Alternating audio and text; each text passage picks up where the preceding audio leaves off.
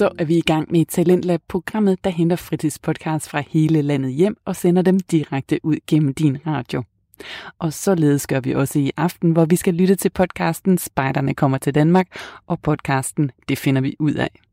Mit navn det er Lene Grundborg Poulsen, og det første vi skal høre, det er podcasten Spejderne kommer til Danmark.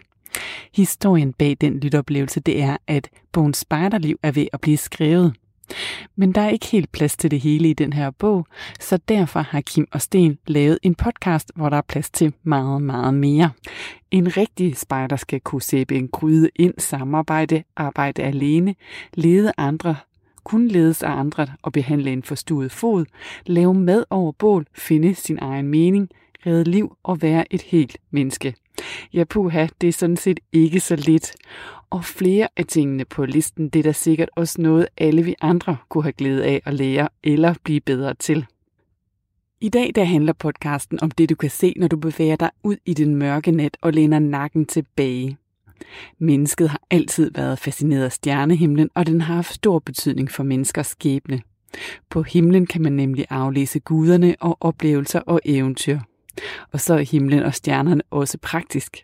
Man kan nemlig bruge stjernerne til at finde nord, og sømænd har i årtusinder brugt stjernerne til at sejle efter, og det lærer man stadig i 2020. Så hvis du er en af dem, der kun med nyd og næppe kan finde Karlsvognen, og ellers ikke ved, hvad du skal kigge efter, så er det nu, du skal lytte efter. Alle spejderbøger siden 1932 til i dag har nemlig haft stjernekort indtegnet. Og derfor er det også kun naturligt, at podcasten, som du skal til at høre, den kigger nærmere på stjernehimlen. Og hvis du lytter med her i aften, så lover værterne, at du vil kunne finde Storebjørn, Cassiopeia og Nordstjernen næste gang det bliver stjerneklart. Og så ringer værterne også til Marsdalen Navigationsskole, hvor de får en kort undervisning i stjernenavigation af Henrik Mikkelsen. God fornøjelse.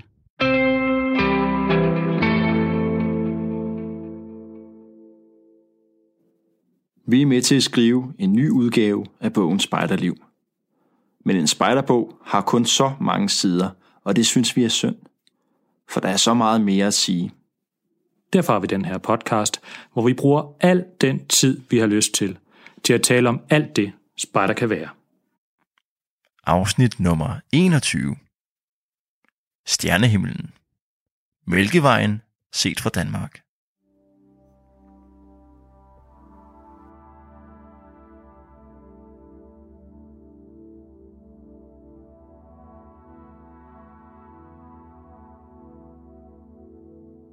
Altså, den er, den er nordstjernen her. Ja, Altså, den peger jo mod nord. det gør den lige nu. Ja. Men hvad er det så? Hvad, hvorfor, øh, altså, hvorfor har vi ikke en veststjerne, eller en øststjerne, eller sådan? Det kommer sig alt sammen af, at jorden drejer rundt. Ja. Så, så jorden drejer om sin akse. Så det er kun på jorden, det eneste sted, der ligesom ikke drejer rundt, det er Nordpolen og Sydpolen.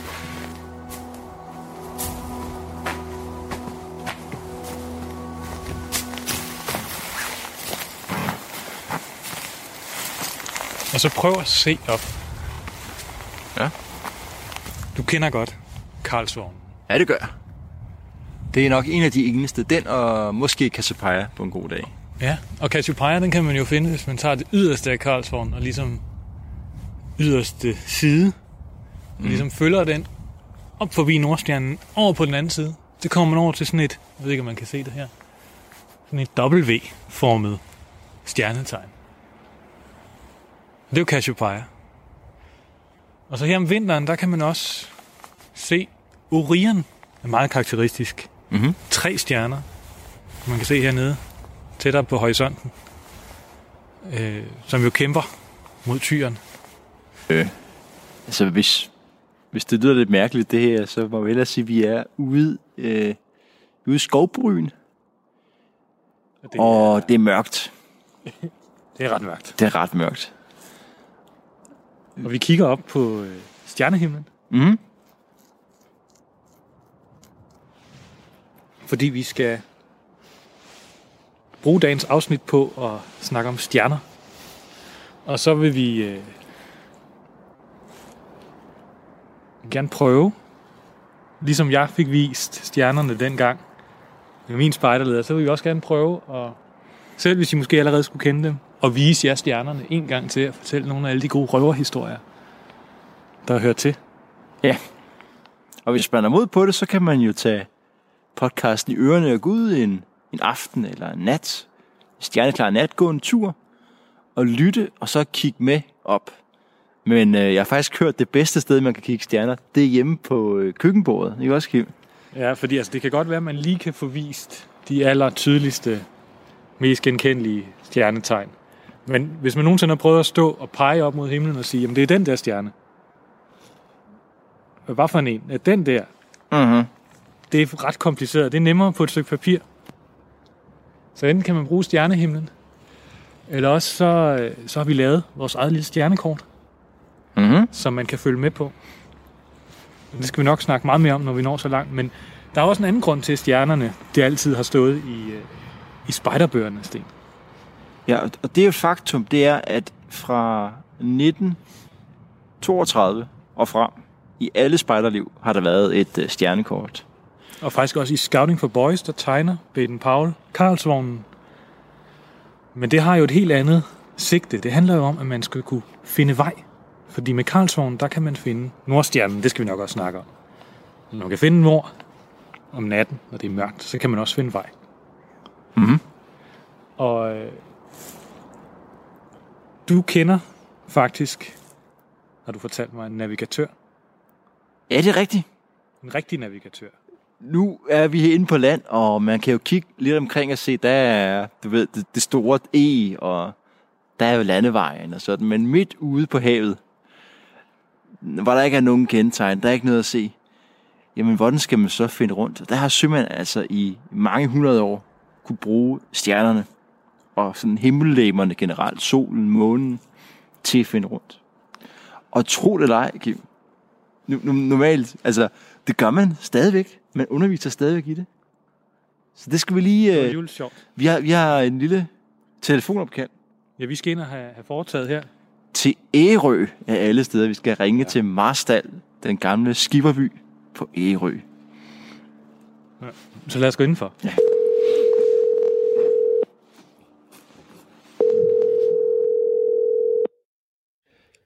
Jo, lad os øh, først og fremmest lige få dig introduceret ordentligt, Henrik. Ja, Hvad, øh, hvad hedder du, og hvad arbejder du med?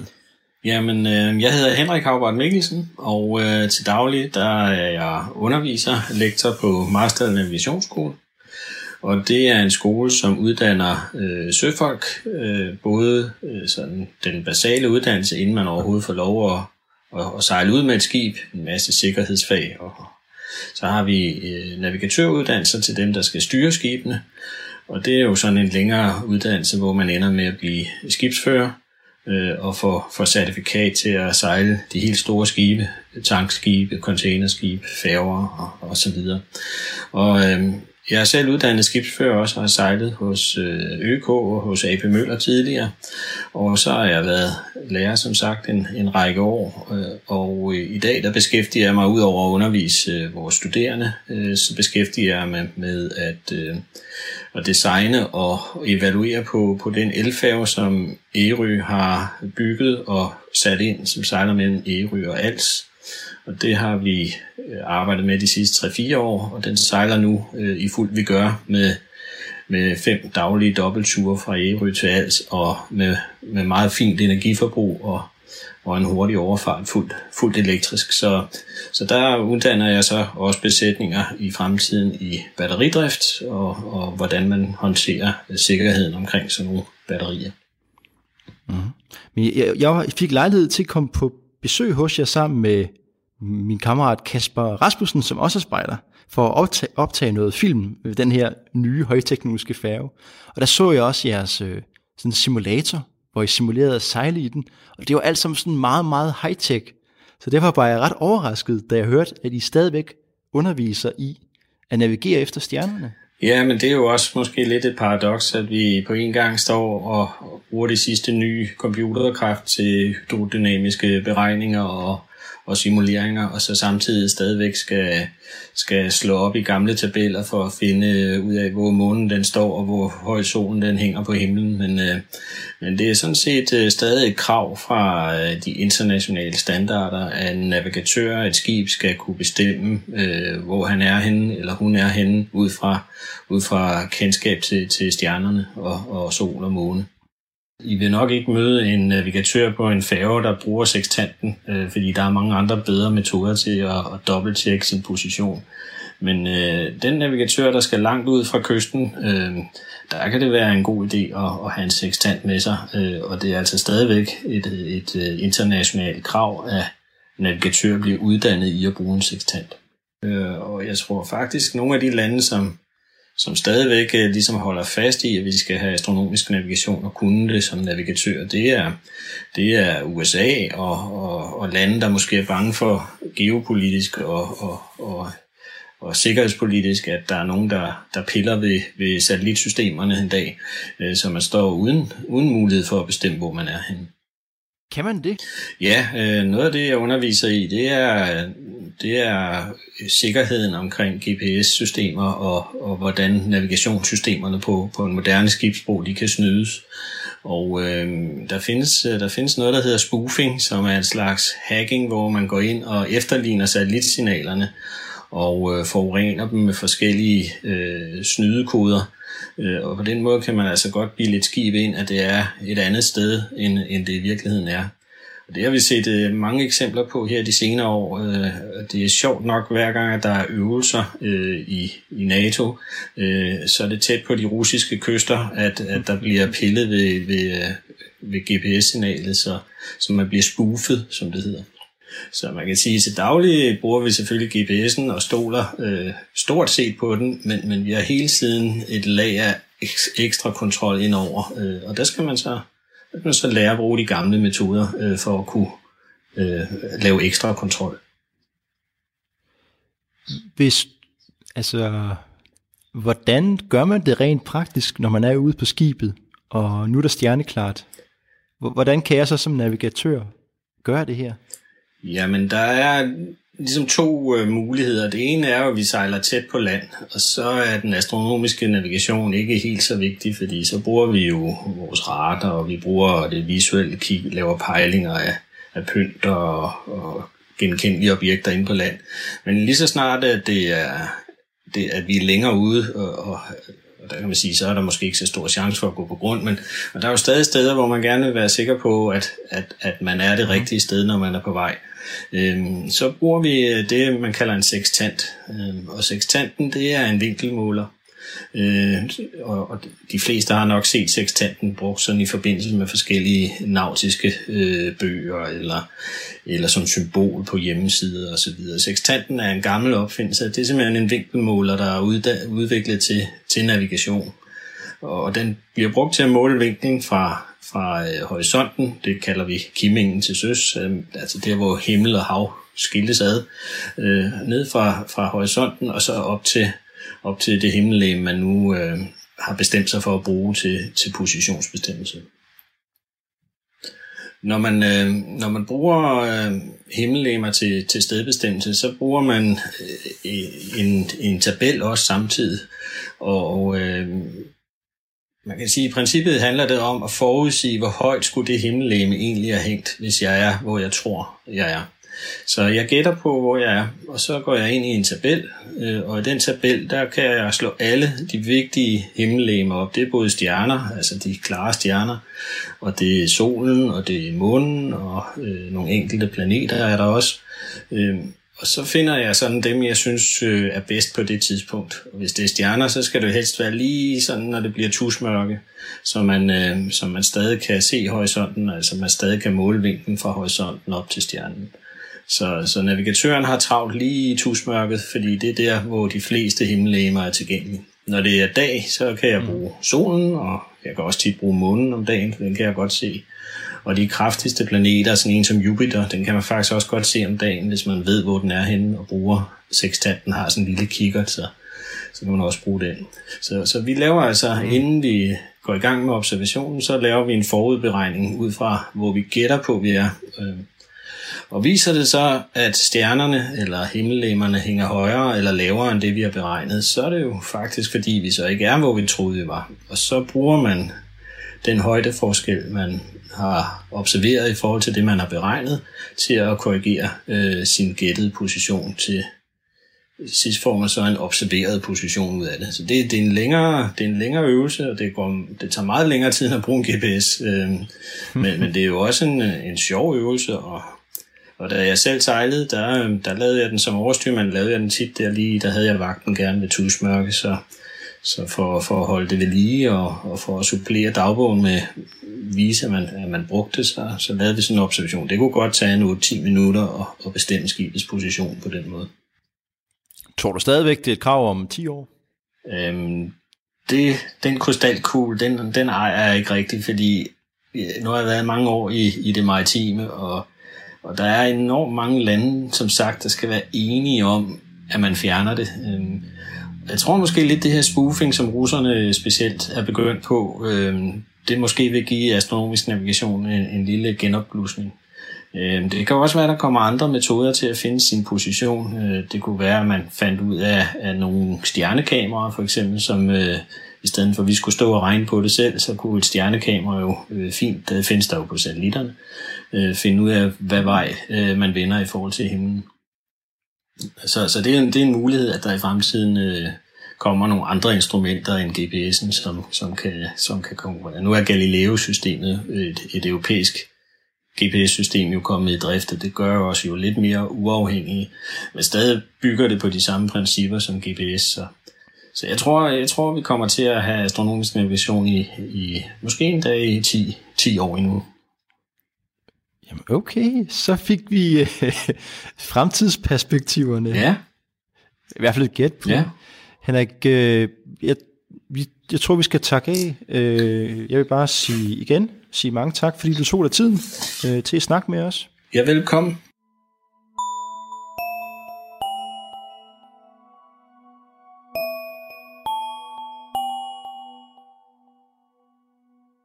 Altså, det her det er egentlig tænkt lidt som sådan en lille øh, rundvisning på stjernehimlen, fordi når man kigger op, så er der jo bare virkelig mange. 3.000, måske flere, synlige, lysende pletter og det kan godt måske føles sådan lidt rodet. Så for at, at få et forhold til det, så har mennesket jo siden civilisationens start inddelt alt det her i nogle stjernetegn og givet dem nogle betydninger, så vi ligesom kan få ordnet stjernehimlen. Og det er ligesom, vi skal ligesom vise rundt i de her, den orden, der er, der hersker, eller vi mennesker har, har indrettet stjernehimlen efter. Og man kan selvfølgelig gå ud og kigge op og så kan man prøve at følge med. Det, skal, det er ikke så svært. Eller man kan hente de to stjernekort, som vi har, som vi lægger op, og som vi lægger et link til i øh, podcastens beskrivelse. Så kan man altså hente og, og følge med. Og hvis du nu hører det her på god gammeldags radio, altså FM-bånd, så kan du gå ind på spejderliv.dk-stjerner, og så kan du hente kortet der. Og så, så skal vi sådan set bare i gang. Og så skal du starte med at finde Karlsvognen. Okay. Og den, øh, den skulle meget gerne være meget karakteristisk. Hvor, hvorfor er det her stjernebillede så kendt? Altså alle kender jo Karlsvogn. Jeg tror, det er fordi, den er enormt nem at se, og det er, det er nogle meget klare stjerner. Og det er jo også en af de, øh, hvad skal vi sige, de ældste stjernetegn, man sådan ligesom kender. Nu siger den hedder jo Karlsvognen, så kan du spørge, hvem er Karl? Ja, det var faktisk lige præcis det, jeg skulle til at spørge om. Og, og hvorfor det, har han en vogn? Hvorfor har han en vogn? Det, altså, der er jo utrolig mange, øh, mange forklaringer på det. Jeg har hørt noget både med, at det skulle være noget med, at det skulle henvise til tordenguden Thor. Han har jo en vogn. Ja, det vil give god mening. Og han skulle betale, han øh, under tiden blive refereret til som Thor Karlen. Ja. Det kunne også have været Karl den Store, og en gammel kejser. Ja, altså... Hvorfor han skulle have en vogn, det ved jeg ikke. Nej, men den, det mest overbevisende... Hvorfor skulle os om det op i Danmark også? ja. ja, fordi den hedder jo mange andre ting i de andre. I, på, på fransk, der hedder den øh, Le Casserole. Og i Finland, der øh, tror jeg, det hedder... Nu er jeg ikke, kan jeg ikke tale finsk, men noget med Otava, der skal det være noget med et fiskenet, et laksenet. Mm. Det forestiller. Og, og alt sammen er gode bud. Altså kasserollen kan jeg jo især godt se for mig. Nu kender jeg Ja. ikke så meget til laksefiskeri. I England hedder den ploven.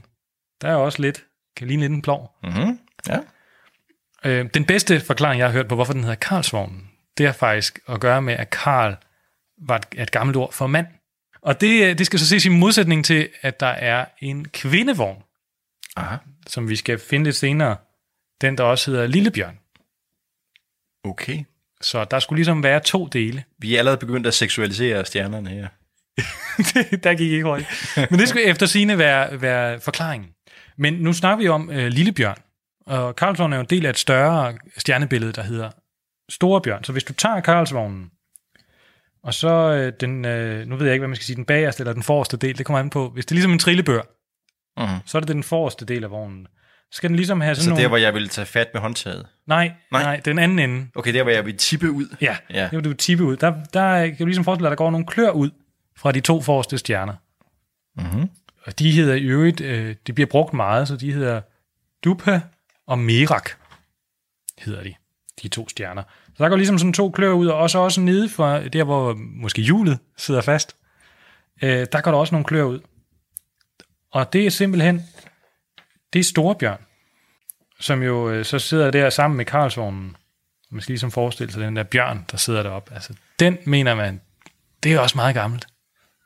Ja. Det er en del af en, af en meget gammel myte, er der nogen, der... Øh, som sådan skulle være sådan fælles for, for alle os, øh, her i hvert fald i Europa.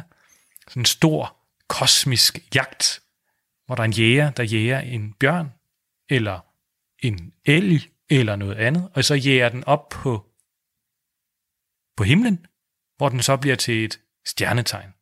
Så i, i den græske slash romerske fortælling, der er det nymfen Kalyp, Callisto, sorry, som øh, bliver forvandlet til en bjørn Mhm. af, af Zeus, eller Jupiter, alt efter hvem, hvor man er henne, og sendt op på himlen. Hendes søn, Arkas, møder se- se- senere den her bjørn, og prøver at slå den ihjel. Og nu, øh, nu kommer vi jo så, nu skal vi ligesom finde nogle flere stjernebilleder. Vi, vi har fundet, øh, det er en god start, finde Karlsvognen, finde Storebjørn. Nu skal vi finde nogle flere stjernebilleder ud fra den. Og det første, vi skal gøre, det er, at vi skal finde Nordstjernen, for det er dejligt praktisk. Så kan man finde Nord. Og der tager man de her to stjerner, vi snakkede om før, Merak og Dubbe, som øh, det var der, hvor man tippede vognen. Mm-hmm. Og så sigter man med dem op, mod, op på himlen, og det er så ind mod midten i det her tilfælde. Ja. Og der skal man gå cirka fem gange afstanden mellem de to stjerner lige ud, så møder man en, også en ret kraftig stjerne. Og Nordstjernen er jo speciel, fordi at øh, der går jordens rotationsakse ligesom igennem. Og det vil sige, at den ikke flytter sig. For ellers resten af stjernehimlen, den drejer jo rundt om os, mens natten går, og jorden drejer. Så derfor så, så er det ligesom det eneste sådan faste holdepunkt, man har på stjernehimlen. Det er Nordstjernen. Ja. Og hvis man har Nordstjernen, så øh, kan man se, der går sådan en lille perlerække måske af, af stjerner ud i sådan en bue. Mhm. Og øh, så skal de lave sådan en slags lille firkant ude for enden. Så man skal ikke føle sig snydt af, at man ikke kan se firkanten, når man kigger op. Det kan være den er ret svag, den ene, det ene hjørne i, i Lillebjørn, som jo så enten er søn, datter af den store bjørn, eller var, var kvindevognen. Okay. Så går vi tilbage til Karlsvognen, for nu skal vi ligesom igennem den del af himlen, der ligger derovre. Om det er sådan, så man, når man har fundet et stjernetegn, så kan man bruge det til at finde de andre. Mm-hmm. Så man skulle ligesom tage udgangspunkt i Karlsvognen, og så har vi allerede nu fundet Nordstjernen Ja, og Lillebjørn. ja. Og nu går vi tilbage til Karlsvognen, og så gør vi den vej, vi går ud af det, hvor man holder Ja. øh, trillebøren. Øh, Der er en meget kraftig stjerne et sted. Ja. Den hedder Arcturus, øh, og den er en del af det stjernebillede, der hedder Bjørnevogteren. Og Bjørnevogteren er sådan lidt øh, drage, altså sådan en drage, man flyver med om, om efteråret, drageformet.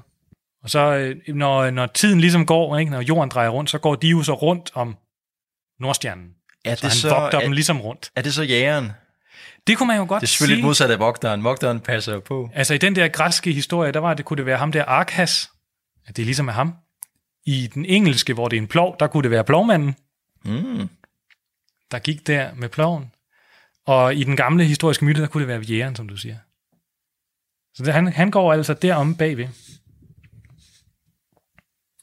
Så synes jeg lige, vi skal prøve at finde en, et stjernetegn til i den her del. Ja. Og der tager man igen udgangspunkt i Karlsvognen. Mhm. Der ligger flere. Man kan godt for eksempel gå videre til den nordlige krone, eller flere af de andre. Nu, nu tager vi Karlsvognen, og så tager vi øh, igen de yderste, altså der, hvor man tipper Karlsvognen. Og så går vi bare den anden vej. Nu går vi nedad på himlen, eller udad mod kanten af papiret. Hvis man går, hvad skal vi sige, 6-7 ned, så kommer man til sådan en lille samling, sådan lidt aflange stjerner. Og man kan kigge på den anden. Der ligger noget, der hedder løven. Som er sådan, Aha. lidt, sådan Ja. lidt aflang, og så er der sådan lidt, ligesom et lille hoved på. Ja. Og det er jo en af de, øh, de 12 stjernetegn. Altså dem, man kan blive født i. Mm. Man kan være født som i, i løvens tegn. Ja. Det er simpelthen denne her løve. Og hvis man, hvis man skal prøve at, øh, at huske, hvad det er, så, øh, så kunne det være den, øh, jeg tror det hedder den neme- nemeitiske løve. Det er den, som Herkules i det gamle savn det er en af, han skal på 12 prøver. En af dem der at, at slå den her løve, og så går han rundt med det løveskin ligesom på hovedet. ja. Så det er den her løve. Hoved bliver ligesom brugt som hat Ja. af Hercules, fordi Ja. han er... Den her løve, som altså er kommet op her, fordi den var så frygtindgydende. Ja. Den kom okay. op, på, op på stjernehimlen også. Altså, De, var- de var gode til at sætte tænder op på stjernehimlen, de gamle øh, græske guder. Der, altså, den har jo nok haft mange andre forklaringer i løbet af, af tiden. altså, der er jo to ting, der lige øh, Ja, presser sig på. Eller man kan sige. Det ene er øh, Nordstjernen. ja, Den står jo ligesom, når man, hvis man kigger på stjernehimlen lang tid nok, ja, og det gjorde man i gamle dage, så, så kan man sige, at det, hele- det hele drejer rundt, men Nordstjernen står stille. ja. Så det er på en eller anden måde blevet lidt, i nogle kulturer, et billede på sådan evigheden. Alt er foranderligt, undtagen Nordstjernen. Ja, sådan ser det ud i virkeligheden. Er Nordstjernen jo også foranderlig, ligesom, ligesom alt andet, ikke? men det er det indtryk, man har fået. Så det er sådan et, et synligt bevis på det evige. Så der er et eller andet noget religiøst, som helt sikkert er opstået der. ja, noget andet religiøst, eller religiøst med noget, der sådan, hvad kan man sige, forbinder sig med skæbnetro. Det er jo, du nævnte øh, løven. Ja, nu- ja. Altså et, et stjernetegn. ja, Og grunden til, at man har brugt så meget energi i gamle dage på at se på de her stjernetegn, det er fordi, man har haft en tro på, at himmellegemernes position omkring ens fødsel kan have en påvirkning på ens øh, personlige karakter. Og at man også igennem stjernehimlen ligesom kan se nogle, øh, altså nogle, nogle, sådan forudsigelser og varsler. ja. Altså det, vi Nogle kender tegn. som et horoskop. ja. Ja. Ja, og vi kommer forbi flere af de her stjernetegn undervejs, og, og vi skal nok også... Altså, grunden til, de er... Altså, hvor- hvorfor, hvorfor ikke øh, vælge Karlsvogn som en stjernetegn?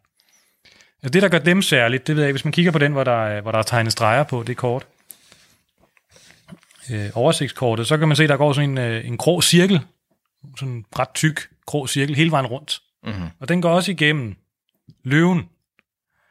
Og det er den grå cirkel på stjernehimlen, det er der, hvor altså planeterne, de bevæger sig ligesom i et plan, når man kigger ud. Og den grå cirkel, den er altså et plan, hvis man forestiller sig det. Så det er en konsekvens af, at vi ligesom har foldet tingene sammen, så er den blevet til en cirkel. Så det er der, planet, alle planeterne bevæger sig rundt der.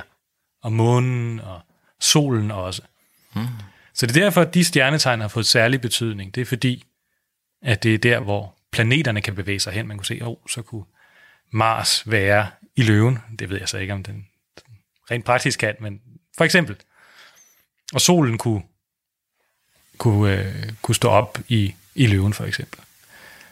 Ved På en noget, bestemt dag. Ved du noget, hvor, hvor gammel den her tro på, at hvad skulle sige, guderne eller, eller verdens altid kommunikerer og styrer os gennem himmellevernes? Nej, det, det, men altså, alle de her, øh, altså det her med, med opdelingen, det er jo sådan noget gammelt babylonsk noget. Og så er vi jo tilbage, sumerisk måske, og også, så er vi jo helt tilbage til civilisationens start, og så har vi jo ikke optegnelser før det. Altså, måske ganske, altså så skal man jo sådan tilsnile sig, ikke? Sådan, de der syv prikker på væggen, det kunne godt ligne en stjernetegn, men det er der jo mange syv prikker, der kunne i, ja. i en eller anden øh, klippehule. Så, så, så resten må være sådan hvad skal man sige, spekulation.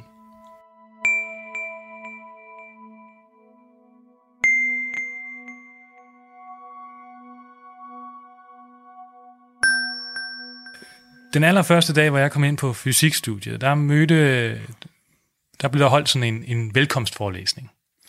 Og øh, den professor, der holdt velkomstforelæsning, han hed Jens Martin Knudsen. Han er sådan en meget berømt, meget, øh, hvad skal vi sige, populær øh, mand, som var meget involveret i Mars-forskningen. Og garanteret set ham på fjernsynet.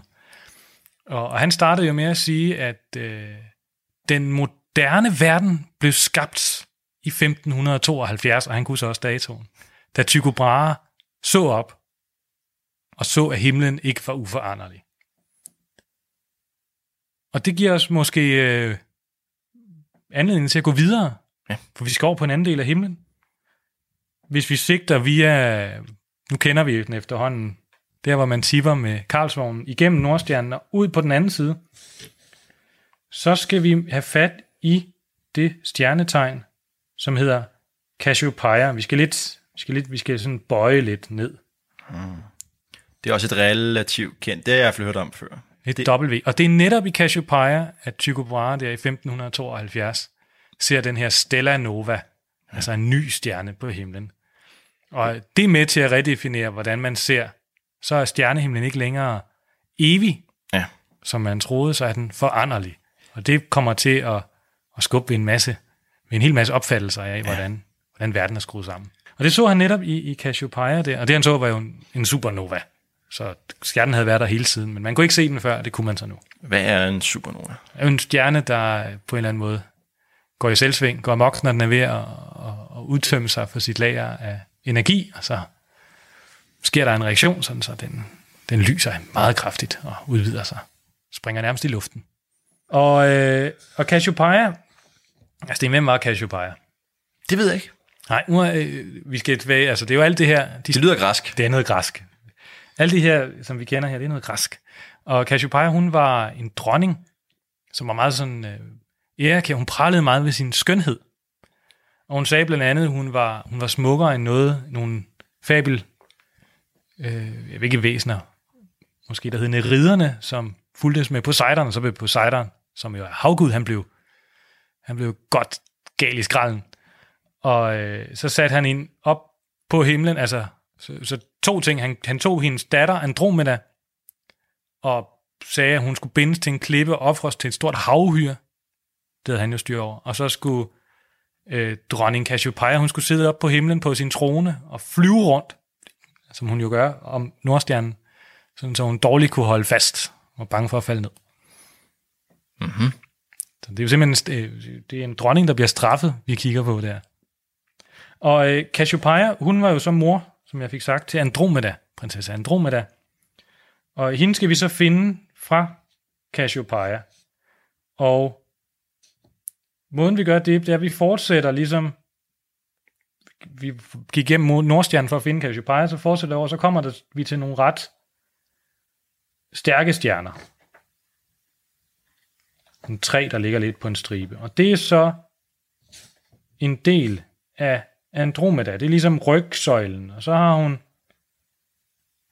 hun har et lille ben, der stikker ud. Det kan man kigge på den anden for at se. Og så har hun to arme. Og de to arme, de er meget lange. Og det er jo fordi, hun er lænket til den her sten, hvor søvhyret er ved. Så det er både lænker og arme. Mm. Hvor søvhyret er ved at komme og, og ja, spise hende vel. Ja. Men hun bliver reddet. Hun bliver reddet af, af Perseus. Og Perseus, der skal vi ligesom følge de der tre rygsøjlen på, eller ryggen på Andromeda. Og så kommer vi ned til sådan en lille trekantet slags. Det er ligesom toppen af Perseus, så har han to fødder. Og måske også en, en hånd frem, hvis man med lidt god vilje. Man kan se, at stjernerne de er ikke så tydelige, så hvis man, især hvis man er et sted, hvor der er meget lys, så kan det være svært at se. Så skal man ligesom have, have styr på, ja. hvor de ligger i forhold til hinanden før man kan se, at det skal, at det er. Man kan jo se, at de ligner jo heller ikke Perseus. Han kommer og redder Andromeda, og så går vi op i modsat side af Andromeda, så er der ligesom en stor firkant. Mm-hmm. Den kan man også se på himlen. Øh, den hedder Pegasus-firkanten, normalt. Og den er en del af, af stjernebilledet Pegasus, som ligesom, der er ligesom øh, et hoved, der stikker ud på den anden side, og så to ben. Og det, øh, det er fordi, at øh, Perseus, han, han rider rundt på den her, flyver rundt på den her Pegasus. Ja, det er en hest med vinger. Ja. Ja. Og Perseus, han var sådan en, en klassisk græsk held. Han, kunne, han stod også ham, der slog Medusa ihjel. Ja. Øh, hende med, med slangehåret, der kunne gøre folk til sten.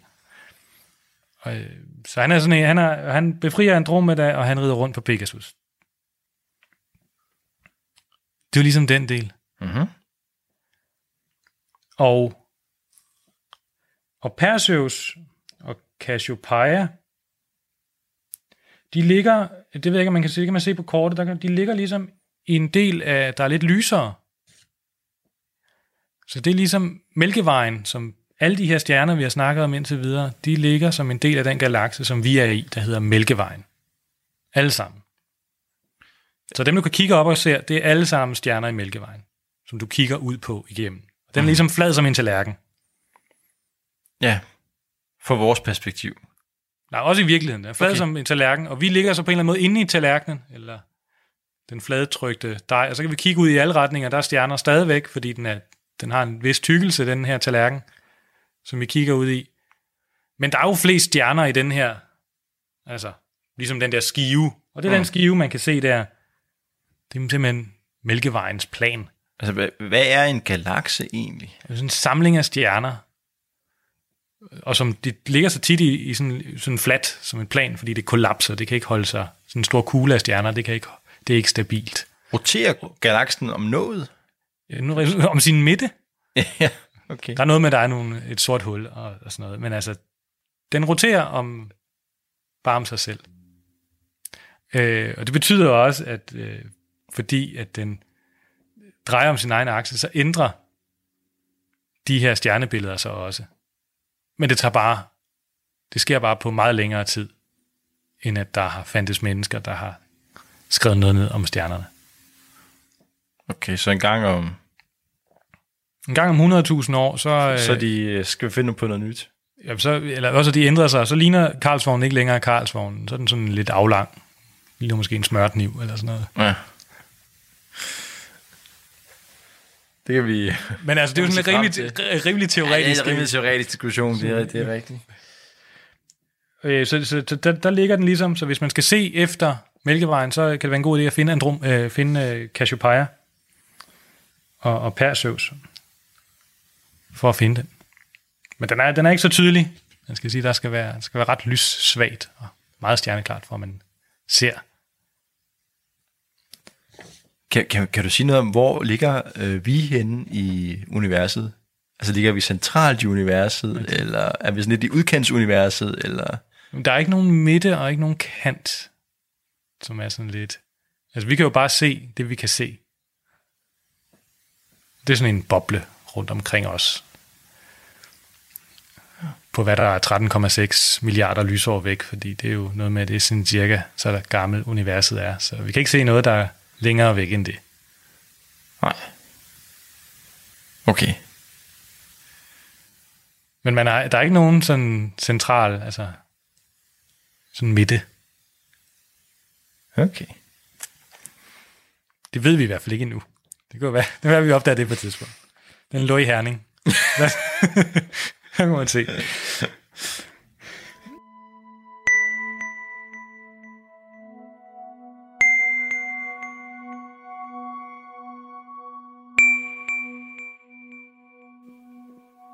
Nu du har lavet det her stjernekort Kim, for nogle måneder siden. Men har du, ved du noget om som det ældste stjernekort? Den ældste afbildning af stjerner? Hvor gammel er den?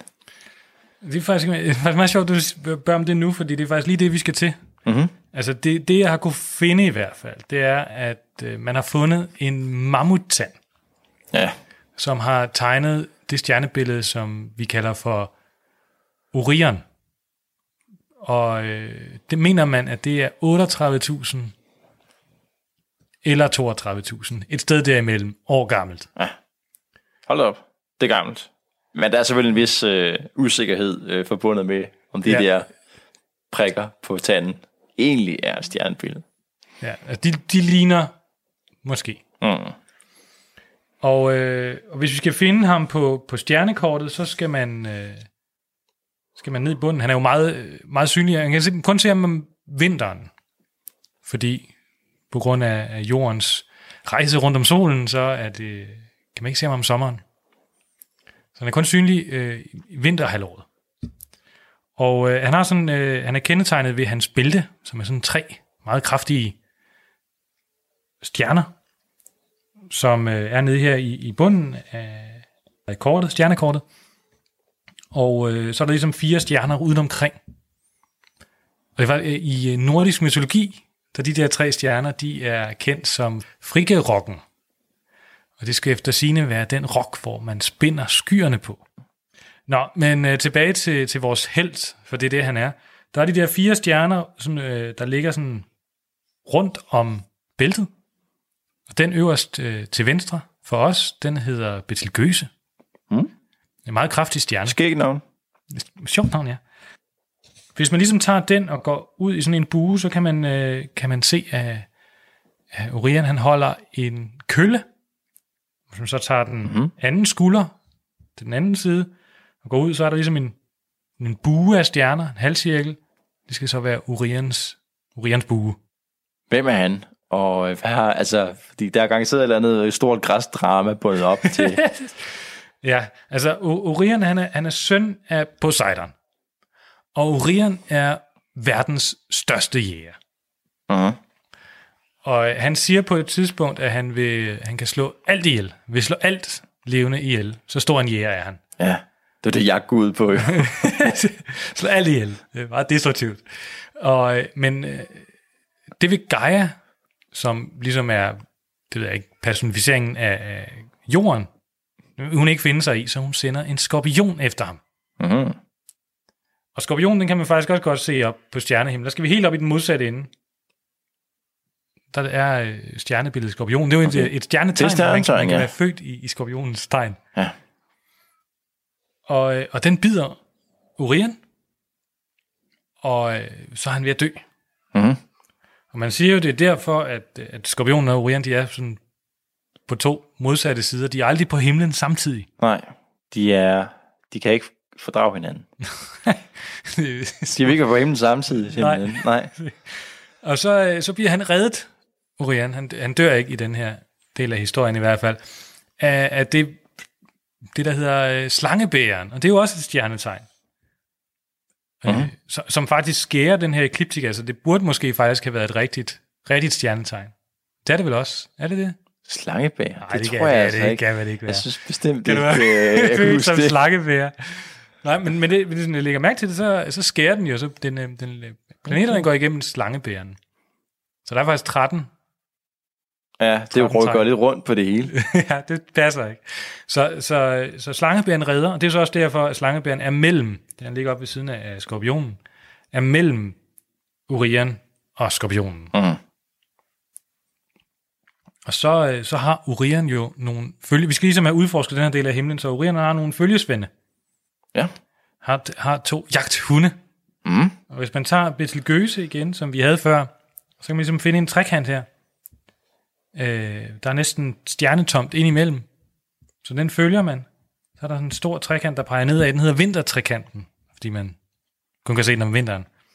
Og den nederste stjerne, det er den st- klareste stjerne på himlen, den der hedder Sirius. Også et ret uh, kendt navn. Altså Sirius, der er jo alle mulige, ja, en karakter fra Harry Potter. Og, øhm, han er jo lidt varulv. Nej, Nej, var, var hund. Nej, Jo, jeg var hund. Ja, han kan forvandle sig til en stor hund. til en hund, ja. Og, og så er der også Sirius Patrulje, det er også en hundepatrulje. Ja. Så vi er lidt i øh, et, et hunde, hundetematik her. Jeg Det hedder også hundestjernen. Nå, men den er en del af, af det stjernebillede, der hedder Storhund. Jeg ved ikke, om man ligesom kan, man kan fornemme, at den måske har nogle ben, og så har den også et lille hoved, som kan være ret svært at se. Og den anden, det andet hjørne i trekanten, det sidste hjørne, der er ligesom to stjerner ved siden af hinanden, der er der en, øh, en lille hund. Mm, Bare en lille hund. ja, okay. Øh, Så det, det er ligesom de to jagthunde, som Orion har med. Og Orion, altså der er mange historier om ham, men altså han, jeg plejer at forestille mig, at han kæmper mod, mod mod det, der er til højre for ham. Han står der og peger med buen, Ja, det giver god mening. Han er på vej til at skyde skyde eller den rigtige retning. Ja, og hvis man ligesom følger det, så kan man se, at der er ligesom et, et V-form, hvis man følger den, ligesom hans bue. Mm-hmm. Så er der ligesom en lille bitte V. Og det er, det er ligesom panden eller hovedet på tyren. Det er stjernetegnet hedder tyren. Man kan også være født i tyrens tegn. Så, så det er ligesom tyrens hoved, så har, har tyren to øh, store horn. Så man ligesom følge det der V ud, så får man, kommer man til to ret klare stjerner. Det er tyrens horn. Og bagved, der kan man lige, der er også noget, noget krop på tyren. Og bagved, der er der sådan en, en, en lille samling af stjerner. Syv stjerner. Det der hedder syvstjernen. Mm. Og det bliver også kaldt for plejaderne, og det var noget med, der er et savn, hvor Orion, han efter de her, han vil gerne giftes med de her, have fingrene i, de her plejader. Som var de her meget smukke, havfruagtige... Åh, jeg tror, de var døtre af Atlas. Nå. Atlas, Atlas skal jo bære, bære øh, himmel, himlen på skuldrene. Han skal bære alt det hele, ikke? Så, så, så, så kan Orion ligesom øh, jage de her døtre, og Zeus forvandler dem så til, til duer, så de ligesom kan undslippe ham, og ender så med at sætte dem op på himlen, hvor han stadigvæk jager dem.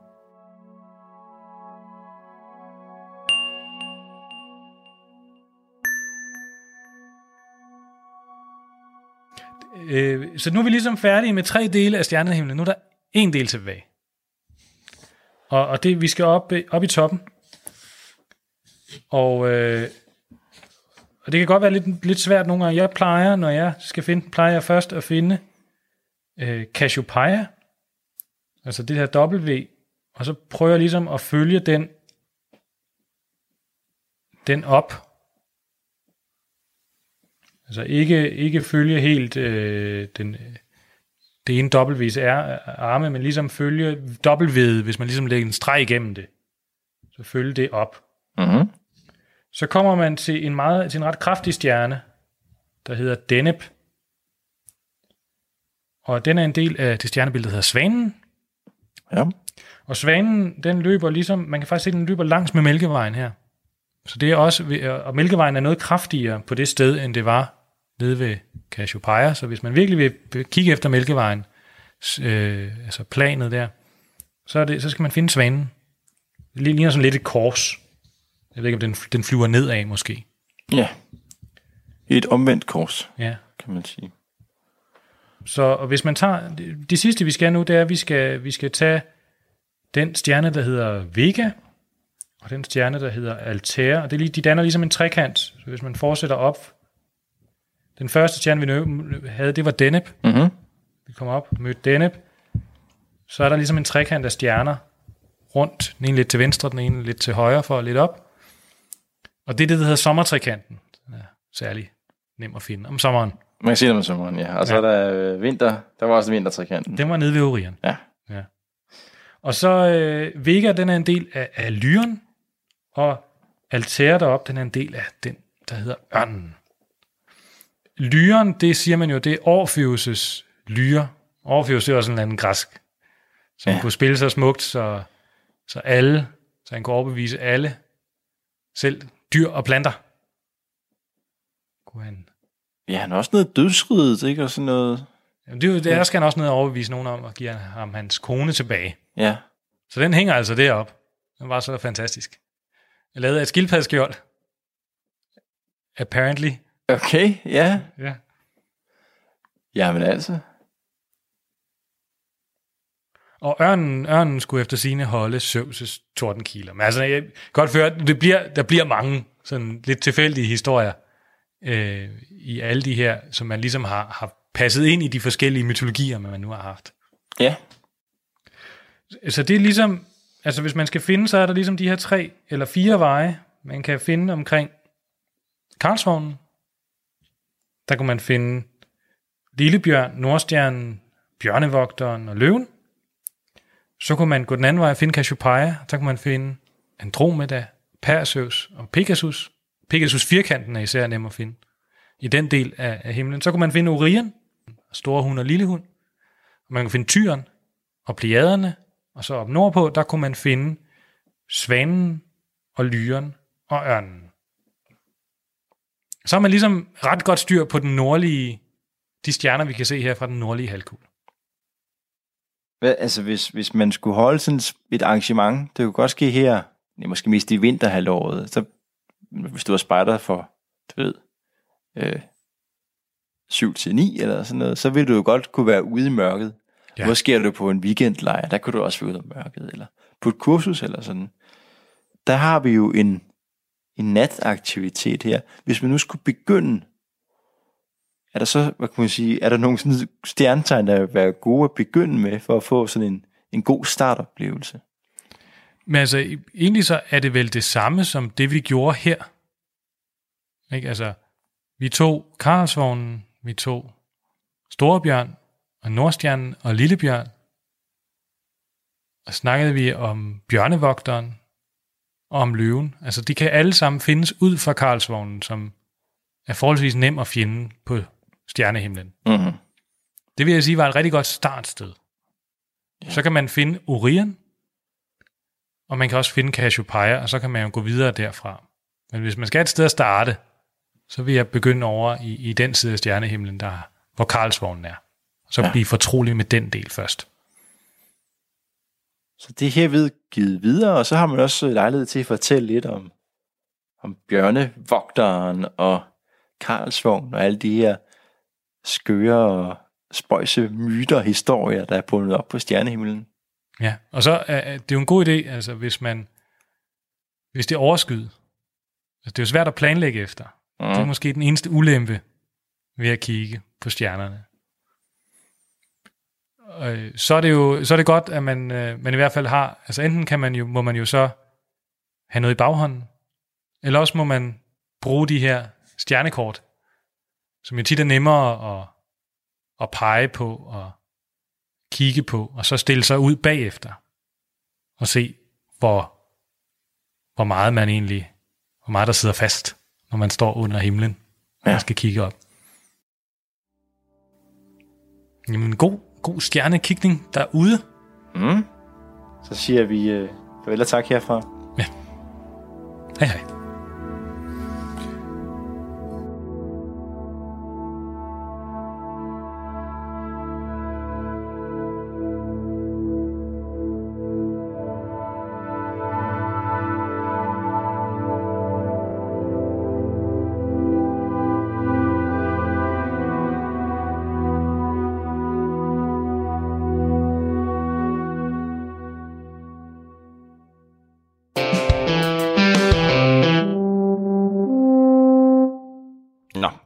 Øh, kom vi igennem endnu et afsnit. Vi kommer tættere og tættere på vores øh, 25 afsnits jubilæum.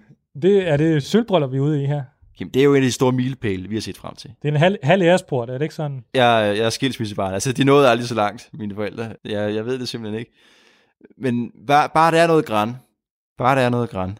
Men, men noget af det, vi godt kunne tænke os, det var at få nogle gode forslag til, hvad det kunne gøre det er rigtig specielt. Ikke? Afsnit nummer 25. Så vi søger endnu en gang jeres hjælp, hvis I lige sidder noget med en rigtig god idé. Måske er I også villige til at medvirke i programmet. Det gør det jo let for os. Så kan man jo henvende sig dels på vores skønne telefonnummer 50 48 82 00, altså 50 48 8200. Man kan både sms'e, og så kan man ringe og lægge en telefonsvar. Besked. Jo, det er til, kår, det er til kårbryllup. Nu har jeg slået det op. Det er til kårbryllup, man skal lave en halv æresport. En hel æresport. Og noget med, noget med, hvad hedder sådan noget, messinginstrumenter. Det er så yndigt at følge sig, ja. øh, kan man. Tre hvide duer, eller hvordan det er. Det, synes, det vil vi gerne opfordre til. Har du også sagt det med e-mailen? Jeg hørte ikke efter, jeg var i gang med at google. Men man kan også skrive til os på spejderliv Så vi glæder os til at høre fra jer. Det var podcasten Spejderne kommer til Danmark, som i dag handlede om at kende stjernerne på himlen. Og må ikke også snart ved at være den tid på aften, hvor du kan liste dig udenfor og prøve dine nye evner af. Men inden du altså kaster dig ud i den opgave, så er der her først en lille omgang nyhederne, og derefter så er jeg tilbage med anden time af Talentlab, hvor vi skal høre en vild og improviseret fortælling, der tager os med til Ungarn, hvor en dramatisk fortælling udspiller sig på et børnehjem.